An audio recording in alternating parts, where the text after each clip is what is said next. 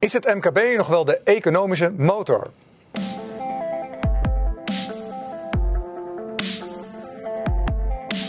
Welkom bij Niemandsland, het programma waarin we kijken naar de mondiale ontwikkelingen en de invloed daarvan op onze huishouding en natuurlijk op onze portemonnee. Welkom Twan. Vandaag gaan we het hebben over het MKB en de multinationals. En we gaan natuurlijk kijken daar, we gaan aandacht besteden met name natuurlijk aan het MKB, denk ik. Hè? Ja, zeker. Tenminste, vind ik zelf eh, wel heel erg uh, leuk onderwerp om over te praten. Ja, ja, zeker. Maar en ook uitdagend. Vooral laten we daar ook een beetje op richten. Ja, het is denk ik vooral dat we uh, ook kijken naar uh, de, zeg maar de bijdrage hè, van het MKB. Want er wordt altijd heel hard geroepen hè, door de regering. Het MKB is de economische motor en is allemaal heel belangrijk. Uh, maar jij hebt een, in een onderzoek gezien dat de cijfers wijzen wel wat anders uit hè, over het MKB. Ja, ja dat is alweer een onderzoek uit 2021, juni, van McKinsey. Die heeft voor alle OESO-landen, OECD-landen, gekeken van uh, hoe groot is het deel van het bruto nationaal product dat afkomstig is uit MKB. Mm -hmm. En hoe groot is het gedeelte wat komt uit het grootbedrijf. Grootbedrijf definiëren ze als uh, minimaal 1 miljard omzet. Dat zijn per definitie altijd multinationals. Ik ken geen uh, bedrijven die een miljard omzet hebben en alleen in Nederland verkopen. daar hebben ze naar gekeken en daar hebben ze een lijstje van gemaakt van hoe dat zit. En in Nederland, Nederland staat nummer 1 uh, van al die OESO-landen wat betreft het percentage bruto nationaal product dat niet het hoogste is uit het MKB, maar uit die multinationals, uit het grootbedrijf. En dat was vroeger heel anders. En nou jij weer. Ja, nou ja, wij hebben natuurlijk, ik ben nu een MKB-bedrijf. Tenminste, ik ben ondernemer, ik ben een MKB-bedrijf. Maar ik heb ook gewerkt voor, uh, lang voor twee grote multinationals. Okay. Jij hebt denk ik dezelfde ervaring. Hè? Ja, je hebt ja, ook veel gedaan voor multinationals. Tien jaar, ja. Uh, hoe kijk jij naar de verschillen als je kijkt naar een multinational of een MKB-familiebedrijf? Ja, er zijn natuurlijk hele grote verschillen tussen. Daar zou een gesprek aan kunnen wijden tussen MKB en multinationals. Hoe die worden bestuurd, hoe ze netwerken, hoe ze aan marktinformatie komen. Daar kun je van alles van vinden. Maar ik heb zelf inderdaad tien jaar ook voor een beursgenoteerd Engels bedrijf gewerkt. Ik vind persoonlijk dat het MKB, en daarom vind ik het zo leuk, het MKB, een belangrijke factor is in een maatschappij. Omdat het een hele andere dynamiek heeft qua uh, maatschappelijke activiteiten dan die multinational. Bij MKB-bedrijven heb je over het algemeen veel meer dat mensen hebben een naam in plaats van een nummer of een onbekend iemand. Ze zijn kleiner, dus het contact onderling is, is groter. De structuur van een MKB-bedrijf of een familiebedrijf is veel meer op een lange termijn gericht. Die zijn mensen die een familiebedrijf hebben, MKB-bedrijf, die willen graag dat het over de jaren heen voort blijft bestaan. Volgende generaties. Voor ja, ja, de kinderen. Opvolging. Al ja. die dingen. Terwijl een multinational wil natuurlijk ook zo lang mogelijk bestaan, maar die kijkt vooral naar de uh, belangen van die aandeelhouder. Ja. En die zijn in principe korte termijn. Die willen het liefst uh, zoveel mogelijk dividend elk jaar hebben. En dat die aandelenkoers omhoog gaat. Dat zijn wat die aandeelhouders willen. En dat is een andere dynamiek en belang dan het familiebedrijf. Waar je kijkt van ja, oké, misschien uh, heb ik break-even dit jaar. Maar ik heb wel geïnvesteerd in nieuwe machines, gebouwen enzovoort, zodat ik over de komende drie jaar beter score. Dat kun je niet altijd maken als je bij een multinational werkt en je moet een hoger dividend uitkeren. Dat is lastiger. Ik ga even terug naar de cijfers hè, uit het rapport wat jij zei. Ik ben er wel een beetje van geschrokken. Ja. Uh, we zaten eigenlijk hè, dik boven de 60% tegen de 70% aan hè, voor het bruto nationaal product qua economische motor, MKB. En we zijn teruggevallen tot ver onder de 40%. 34, ja. Wat gaat dit betekenen voor de bijdragers, bij wijze van spreken, belastinggeld, maar ook ook wat je net noemt, die familiebedrijven die heel goed denken hè, aan de hè, voortgang voor generaties. Ik zit even te denken aan innovatie, creativiteit. Hoe kijk jij daar tegenaan, Twan? Ja, ook daar schiet me heel veel in het hoofd uh, als je die vraag stelt. Maar probeer het uh, concreet te houden. Uh, al die multinationals waren ook eerst een MKB-bedrijf of een familiebedrijf of een eenmanszaak. Het begint ergens. Ja. Ook meneer Musk en meneer uh, Bezos met zijn uh, Amazon, die is met zijn boeken begonnen in een garage. En zijn dan opeens, of opeens na verloop van tijd een multinational. Um, maar het punt is dat de creativiteit, de nieuwe, de nieuwe uitvindingen enzovoorts, die komen vaak toch wel van, van dat MKB en, dat, en, en, en zeg maar die, ja, de, de creativiteit van die ondernemer in zijn eentje. Je hebt ook bij multinationals heb je natuurlijk productontwikkelingsafdelingen waar ze allerlei nieuwe dingen bedenken. Net een beetje iets andere B-cel met een wat ander omega vetzuurtje erin, waardoor ja. het allemaal weer wat lekkerder verkoopt. En er gaan veel miljarden naar innovatie natuurlijk. Zeker, dat, dat wel. Dat wel, maar echt, echt innoverende dingen, hè, zoals uh, ja, wat een, wat een Musk heeft gedaan. Het hele Amazon-concept. Maar ook Facebook. Ik bedoel, dus uh, Zuckerberg kan van alles vinden van Facebook. Maar het is met één persoon begonnen. Hij staat nog steeds aan het hoofd van het bedrijf. Het is inmiddels wel een multinational. Dus er zitten hele grote verschillen tussen de dynamiek van een multinational en dat, en dat, en dat eenmansbedrijf of die, die, die, dat detailhandelsbedrijf of dat MKB-bedrijf, familiebedrijf. Maar het belangrijke kenmerk ervan is altijd heel veel creativiteit. Anders houdt het ook niet lang vol. Je hebt creativiteit nodig. En dat, dat is een belangrijk verschil. Ook de maatschappelijke betrokkenheid van een, van een uh, MKB-familiebedrijf vind ik over het algemeen, ervaar ik als hoger op de ladder staan. Iemand die. Uh, nou, laat ik het heel simpel houden. Ik, ik ben zelf uh, algemeen directeur geweest van een bedrijf dat eerst een familiebedrijf was. En zo is het vaak gaan, die vervolgens verkocht worden aan een multinational. Dan ben je opeens onderdeel van een multinational. Maar je zit nog met de cultuur van een familiebedrijf.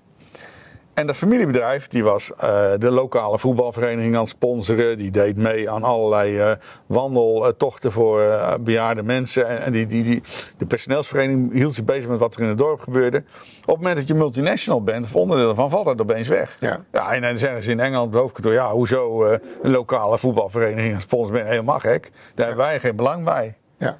Dus dan doe je dat niet meer. Maar dat zie je toch een beetje wat terug. Het is vooral aandeelhoudersgericht. Hè? Niet zozeer naar de rest van de omgeving van je bedrijf, mensen, medewerkers, leveranciers, noem het allemaal maar op. Maar ook belastingtechnisch. Ik, ik, denk, ik zit even meteen al te denken aan de Zuidas. Hè. Er zijn natuurlijk heel veel advocaten die daar eh, van alles regelen voor de multinationals om minder belasting te betalen. Uh, ja, ik, ik vind dat als MKB, ik kijk daar altijd, uh, ja, wat, ik ben daar heel, eh, nou, ik zal niet zeggen boos, een beetje boos wel over, omdat ik denk van ja, wij zijn de MKB, we moeten dan de economische motor zijn in Nederland. Het loopt alleen maar af, hè. we worden alleen maar overgenomen door die multinationals.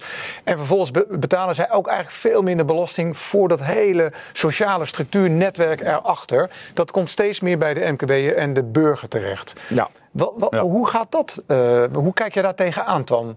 Nou ja, eh, ik probeer het weer een beetje toch simpel aan de hand van cijfers uit te leggen. Het MKB, volgens dat McKinsey-rapport, want uh, je hebt ook allerlei andere uh, gegevens, maar ik heb me even gebaseerd op het McKinsey-rapport. volgens dat rapport is het MKB 34% van het bruto nationaal product komt uit het MKB en de rest uit die grootbedrijven. Die grootbedrijven, daar, daar, daar heerst het imago van, er is ook onderzoek naar gedaan door de overheid, dat die minder belasting betalen dan het MKB. En uh, of dat zo is of niet, dat is eigenlijk lastig te onderzoeken. Dat, er is een onderzoek gedaan door uh, het ministerie van Financiën in 2019 of 20. En dat heet ook, dat heeft een titel of, um, uh, of de multinationals, uh, de belastingdruk van multinationals, belastingplicht hoger of lager is dan het MKB. Of dat wel eerlijk is. En daar staat in, en dat, dat kunnen ze namelijk wel uh, verifiëren via de Belastingdienst, dat de hoeveelheid belasting die is betaald, en dan moet je vooral denken aan vennootschapsbelasting, dus zeg maar belasting over de winst die het hm. bedrijf maakt, ja. dat is vennootschapsbelasting. De hoeveelheid belasting die is betaald door die multinationals, door het grootbedrijf, dat ligt net iets hoger, 55 procent van, het van de vennootschapsbelasting is door die multinationals betaald en 45 door het MKB de laatste jaren. Ja. Maar als je kijkt naar dat uh, uh, bijna ja, zo'n zo uh, 65% van het bruto nationaal product uit die multinationals komt, dan zou ook 65% van de vennootschapsbelasting van die multinationals af moeten. En dat, is, niet, dat is niet zo. Nee, maar ook niet alleen dat van. Hè. Ik weet uit ervaring dat de multinationals veel grotere winsten maken dan een MKB'er. Hè. Dus een MKB is het gemiddeld rond de 5% rendement. Eh, multinationals maken veel meer winst. Dat betekent ook dat daarin zit natuurlijk een heel groot verschil. Dus het is hè, waarschijnlijk niet alleen het verschil in omzet, maar ook in hoeveelheid winst die je maakt. En, en we weten natuurlijk op de Zuidas, die, die, die mannen die zitten daar niet voor niks. Er zijn nogal wat ontwijkingsregelingen. Dus, uh, maar het zou natuurlijk wel heel mooi onderzoek zijn. Hè? Dat, wat het te gek is, in het rapport werd daar wel naar gevraagd, maar er mocht niet op geantwoord worden, hè? Nee, ik. Nee, het leuke is, we hebben allebei het rapport gezien, hè, waar, waar, ik het over heb. Um, en uh, de, de, onderzoekers hebben dus wel kunnen achterhalen hoeveel belast, hoeveel uh, geld er betaald is door die uh, grote bedrijven en het MKB. Maar de, belast, de relatieve belastingdruk hebben ze niet vast kunnen stellen. En dat is van relatief belastingdruk is hoeveel belasting betaal jij op uh, de, de, elke 100 euro die jij uh, aan winst hebt gemaakt. Ja. Eh, dus die kan bij dat bedrijf, bij, bij die multinational uh, veel lager liggen dan, dan bij het MKB. Dat, dat vermoed ik nog steeds dat dat zo is. Maar bewijs daarvan hebben we niet, omdat uh, de Belastingdienst in dat, aan die onderzoekers heeft gezegd: luister, dat is privacygevoelige informatie. We kunnen jullie niet vertellen, dus die onderzoekers in dat rapport, we kunnen jullie niet vertellen hoeveel winst uh, die MKB-bedrijven of die multinationals hebben gemaakt. En dat relateren aan de vennootschapsbelasting Ja. die ze hebben betaald. Dus die balans of die, die verhouding is niet uh, aan te tonen op dit moment. Het blijft natuurlijk een hele interessante vraag. Hè? En ik denk dat uh, als je nu kijkt naar die multinationals die je eigenlijk met name in Nederland heel erg ziet groeien. MKB neemt af. Als jij maatschappelijk ook kijkt, uh, Twan, wat ja, zijn de directe gevolgen? Nou, dan maak ik me zorgen. Kijk, mijn zorg zit erin dat op het moment dat, uh, dat BNP uh, meer af, afkomstig is uit die grootbedrijven en die betalen minder, die hebben een lagere relatieve belastingdruk. Dat we gewoon minder geld hebben Ja. als land om uit te geven aan onze ja, toch ook afbrokkelende welvaartsstaat, verzorgingsstaat.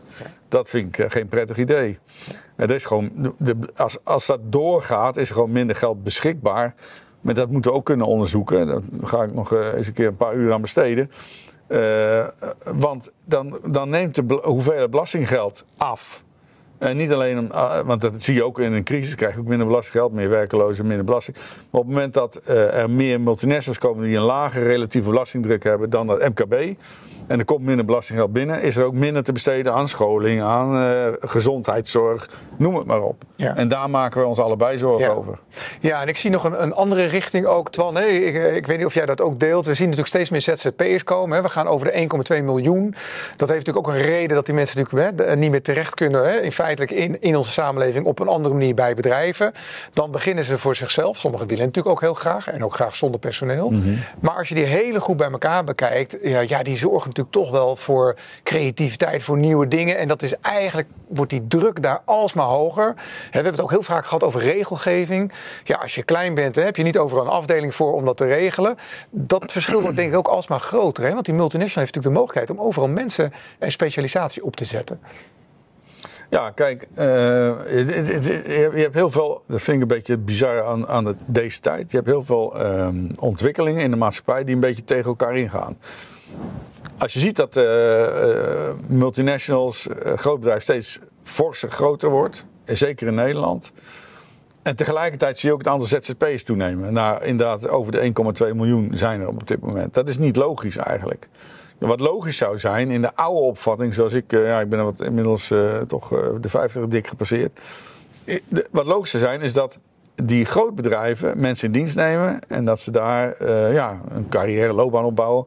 Maar ze huren juist veel ZZP'ers in, relatief veel ZZP'ers in. Die hebben natuurlijk, zijn makkelijker weer af te schalen, zijn vaak goedkoper.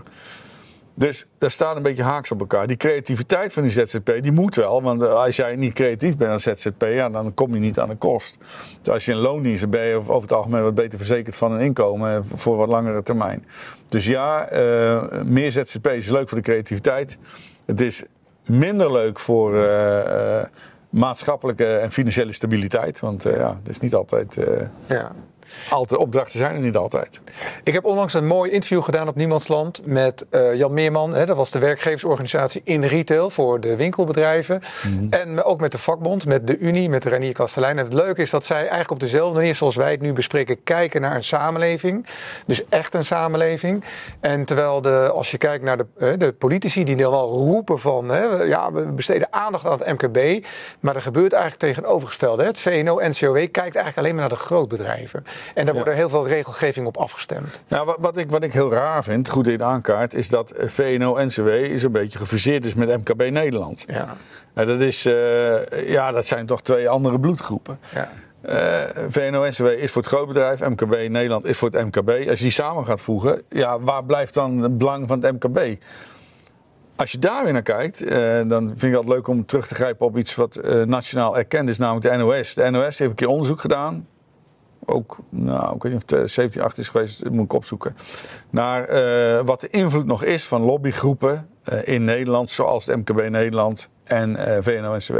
In zijn algemeenheid schetst de NOS in dat artikeltje, staat op hun website, dat die invloed is afgenomen. Dus het lobbyen ten gunste van het MKB is afgenomen. Ja. het belang, eh, de impact van MKB Nederland zou afgenomen zijn. Daar zijn ook universitaire studies, academische studies naar gedaan. In het algemeen, niet ook specifiek over Nederland. Hoe nationale lobbygroepen voor het MKB zich verhouden tot internationale lobbygroepen voor dat grootbedrijf. De WEF, eh, ik vind het toch een lobbygroep. Bijvoorbeeld. En dan zie je dat die eh, internationale lobbygroepen aan invloed en macht hebben gewonnen. Op allerlei regeringen, maar ook de EU. En terwijl die nationale eh, lobbygroepen hebben ingeboet aan belang. Daar is gewoon Ja. academisch bewijs van. En dat vind ik ook zorgelijk, want als je zegt dat het MKB belangrijk is voor de maatschappij, dat dat een andere dynamiek heeft in een maatschappelijke uitstraling dan dat grootbedrijf, dan moet je daar als politiek meer aandacht aan besteden, wat mij betreft. Wat zou onze oproep moeten zijn naar de politici en de bestuurders, eh, Twan, om hiermee af te sluiten? Nou, eh, ik zou ze willen oproepen om eh, vooral eens meer kennis te nemen van wat het MKB nou eigenlijk is, voorstelt en wat het, de maatschappelijke impact is van het MKB. Ja. Ook in het kader van eh, een, een, een veilige, prettige eh, samenleving. eh, en, en, en dat belang vertalen naar beleid, waardoor het MKB weer wat meer kans krijgt om te bloeien in plaats van dat het verder afzwakt. Ja, en laten we dan, als ik dat mag toevoegen, de regelgeving met name daarop eh, gaan, gaan indammen. Want ja, voor die wat kleinere bedrijven, zeg ik dan maar even, is het natuurlijk geen doen om al die regelgeving te kunnen volgen. Terwijl het waarschijnlijk ook helemaal niet nodig is. Want die, die, die, die bedrijven weten echt wel wat goed is voor de maatschappij. Met Ja. name die, die lopen daar misschien wel in voor op. Hè? Ja, maar daar heb je een lastige, want al die regels waar jij het over hebt, waar de MKB last van heeft, die worden er over het algemeen niet in Nederland bedacht, maar in Brussel. Daar heb ik het vaker over gehad. Eh, Daar zou Brussel, als Brussel het MKB ook een kans wil geven, zou ze daar ook eens naar kunnen kijken. Ja. Maar we moeten ook niet alles laten afhangen van Brussel, toch? Hè? Onze Nee, nee, nee, nee, die politici moeten zelf ook wat, eh, Precies. wat, zelfstandige ideeën ontwikkelen. Lijkt me wel, want we zijn toch gewoon Nederland hè? en we hebben onze bedrijven hier en burgers, mensen, volksvertegenwoordiging. Ja, Ja. ja. Oké, nou Twan, dankjewel voor eh, deze mooie bijdrage weer. Dit was Wereldnieuws. Bedankt voor het kijken. Laat ons in de comments weten welke onderwerpen je hier aan tafel besproken wilt hebben. En eh, Twan, ja, we hebben de volgende keer natuurlijk weer een mooie, mooie uitzending. vast.